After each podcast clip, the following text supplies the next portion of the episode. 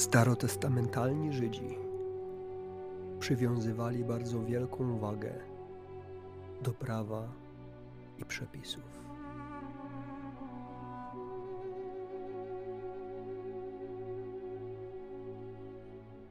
Podobnie też i apostołowie, którzy przecież też byli starotestamentalnymi Żydami, kładli nacisk na to, co związane z prawem.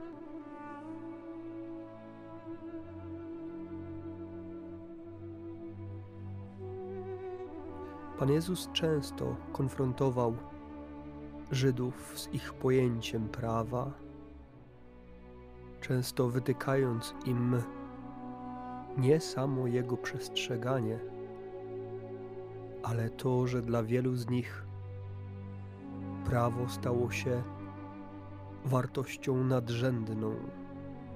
Stało się w pewnym sensie dla nich Bogiem. To, które otrzymali, aby do Boga miało ich prowadzić w wielu sytuacjach życia, tego Boga im zastąpiło, a wielokrotnie też i przysłoniło. Dlatego też tak wiele razy Pan Jezus wypomina uczonym w piśmie, faryzeuszom, tym wszystkim, którzy przychodzili do Niego, aby pochwycić Go na jakimś błędzie, to, że prawo stało się dla nich najważniejsze, że tak kurczowe trzymanie się litery prawa przysłoniło im relacje z Bogiem, a tym samym uniemożliwiło otwartość na prawdę i na drugiego człowieka.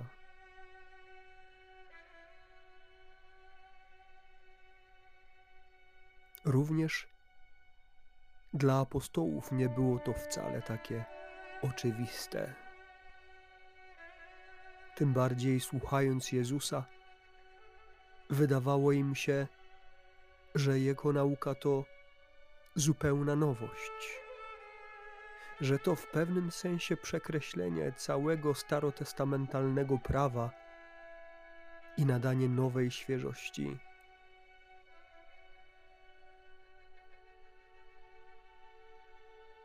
Ale Jezus wyprowadza ich z tego błędu.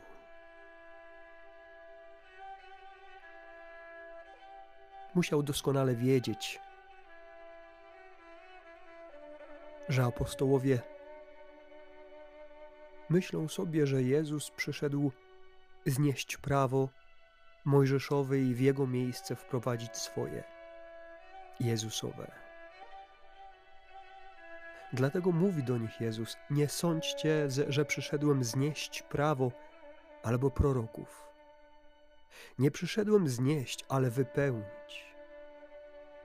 Zaprawdę bowiem powiadam wam, dopóki niebo nie przeminie, i ziemia nie przeminie. Ani jedna jota, ani jedna kreska nie zmieni się w prawie, aż się wszystko spełni.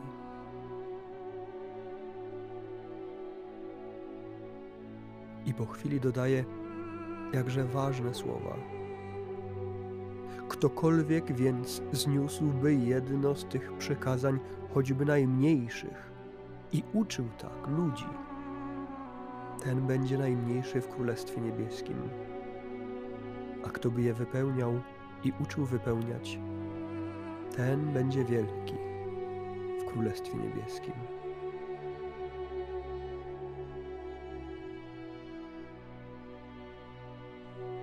Pan Jezus jakby rozwiewa wszelkie wątpliwości apostołów w tym momencie, jakoby miał być kimś kto przynosi nowe prawo.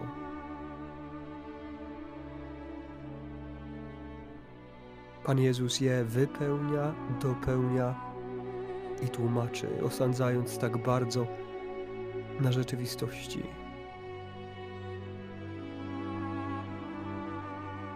Jakby na nowo odkrywa prawo, adaptując je do rzeczywistości życia, do człowieka jednocześnie nie zmniejszając, łagodząc czy, upraszczając. Właściwie nawet chyba i w drugą stronę, trochę podnosząc poprzeczkę.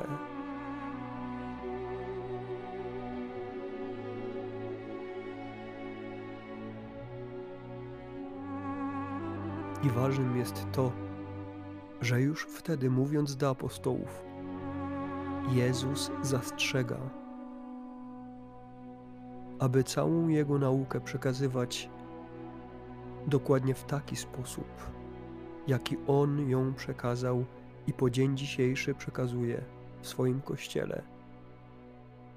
Nic nie zmniejszając, nic nie upraszczając, nic nie odrzucając.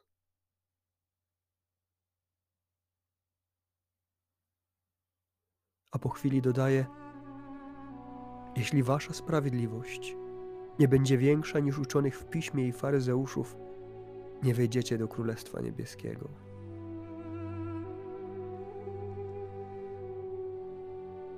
Tym samym pokazuje, że faryzeusze i uczeni w piśmie, choć przecież ludzie oddani Bogu, byli na błędnej drodze.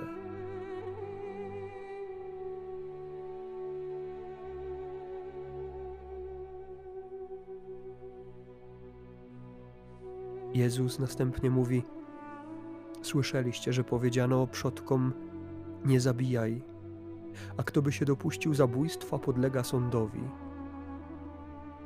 A ja wam powiadam: każdy, kto się gniewa na swego brata, podlega sądowi.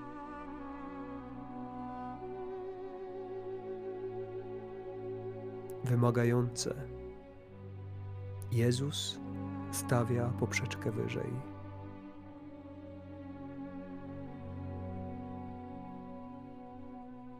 Po chwili mówi: Słyszeliście, że powiedziano: Nie cudzołóż. A ja wam powiadam: każdy, kto porządliwie patrzy na kobietę, już się w swoim sercu dopuścił z nią cudzołóstwa. Jeśli więc prawe Twoje oko jest Ci powodem do grzechu, wyłup je i odrzuć od siebie. Lepiej bowiem jest dla Ciebie gdy zginie jeden z Twoich członków, niż żeby całe Twoje ciało miało być wrzucone do piekła. I jeśli Twoja prawa lub Twoja rewa lęka jest Ci powodem do grzechu, odetnij ją.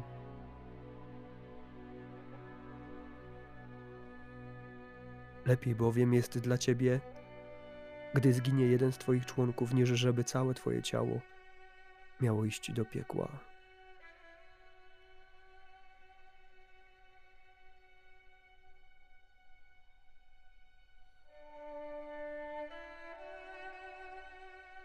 Pan Jezus tłumaczy mi w sposób bardzo obrazowy, do czego ma służyć prawo. Ma być dla mnie pewnego rodzaju drogowskazem ma być poręczą na schodach, która ma mi pomóc zejść albo wejść, wtedy gdy jest to trudne. Można powiedzieć, że znak drogowy ogranicza moją przestrzeń na drodze, a można powiedzieć, że mi pomaga. Można powiedzieć, że poręcz na schodach ogranicza moją przestrzeń a można powiedzieć, że po prostu mi pomaga. I kiedy Pan Jezus wspomina o prawie mojżeszowym, o szacunku do brata, do bliźniego, o cudzołóstwie, to właściwie niczego nie zmienia, ale jakby kładzie akcent w innym miejscu.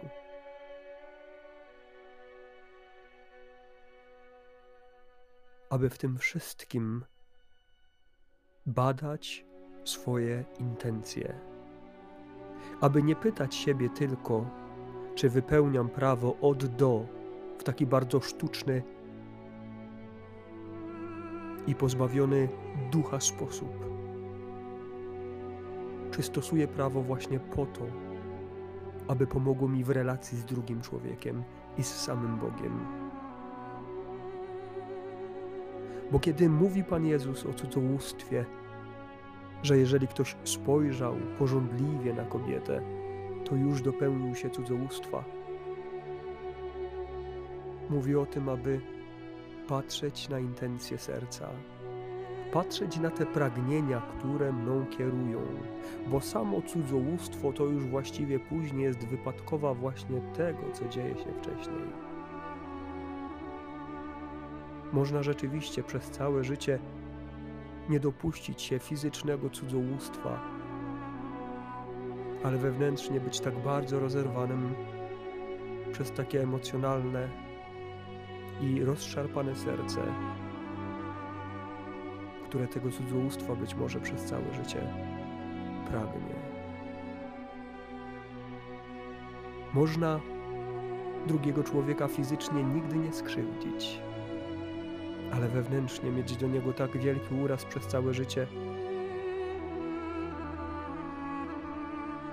że właściwie nigdy nie ma możliwości do tego, aby doszło do pojednania. Można się chować za przekazaniami. Można sobie powiedzieć, przecież chodzę co niedzielę do kościoła, daję na tacę, przyjmuję kolendę, robię znak krzyża, kiedy wstaję. I dobrze, bo to ważne. Ale co kryje się za tą rzeczywistością? Wielu Żydów robiło po podobnie, wypełniało prawo bardzo skrupulatnie. Natomiast żyć z nimi się nie dało. Prawo ma być dla człowieka, a nie człowiek dla prawa. Jeżeli rzeczywiście żyję według prawa Bożego, jeżeli nie mam sobie nic do zarzucenia, kiedy sobie to prawo próbuję jakoś w głowie poukładać, to muszę sobie zadać pytanie, jakim ono czyni mnie człowiekiem? Jaki ma wpływ wypełnianie prawa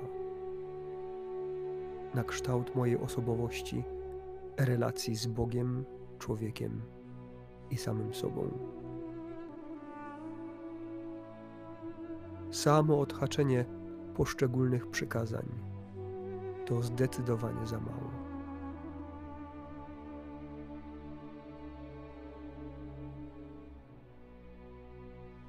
Podobnie jest też i w życiu kapłańskim, zakonnym. Można się schować, przykryć tak szczelnie prawem zakonnym, wstawać zawsze punktualnie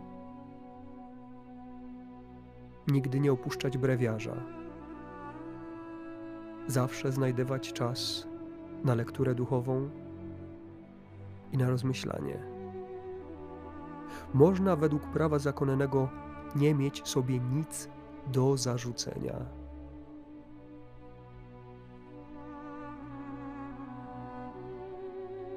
Ale jak to przestrzegania prawa wpływa na kształtowanie mojej osobowości względem mnie, Boga i współbrata albo współsiostry.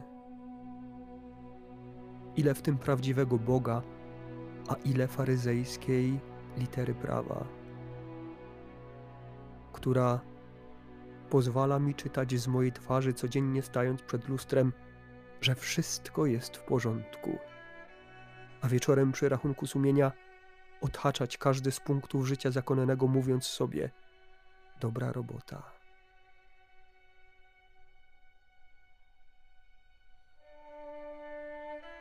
A być może to tylko jakaś zasłona.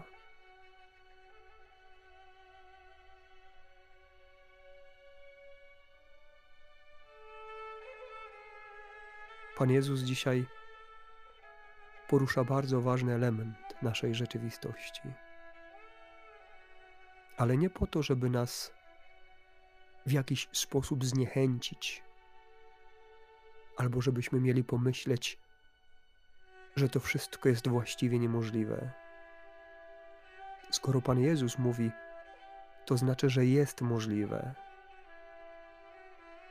Warto chyba spojrzeć na siebie właśnie w perspektywie tej Jego zachęty i zadać sobie pytanie, co znaczy dla mnie Jego prawo, co znaczą dla mnie przekazania Boże, kościelne, przekazanie miłości tak ważne, jaki wpływ mają na mnie, czy pobudzają mnie do otwartości, czy raczej są dla mnie bezpiecznym schronem, w którym czuję się bezpiecznie, bo już sobie takie ścieżki wydeptałem.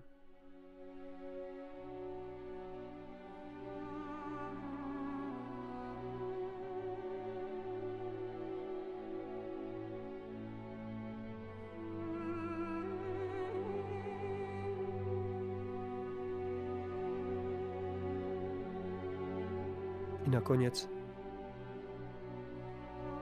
Pan Jezus dodaje: Niech wasza mowa będzie tak, tak, nie, nie. A co nadto jest, to pochodzi od złego. Pan Jezus zachęca mnie do konkretu. Często oczekiwania względem drugiego człowieka mam o wiele większe niż oczekiwania względem siebie.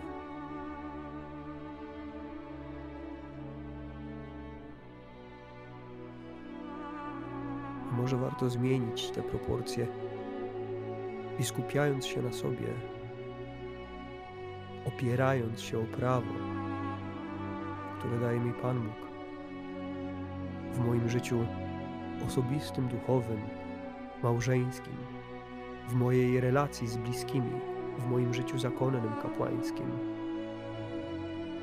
I spróbować potraktować je jako pewnego rodzaju poręcz, która ma mnie do Boga, drugiego człowieka i samego siebie doprowadzić, a nie jako mur, który ma mnie zamknąć i odgrodzić.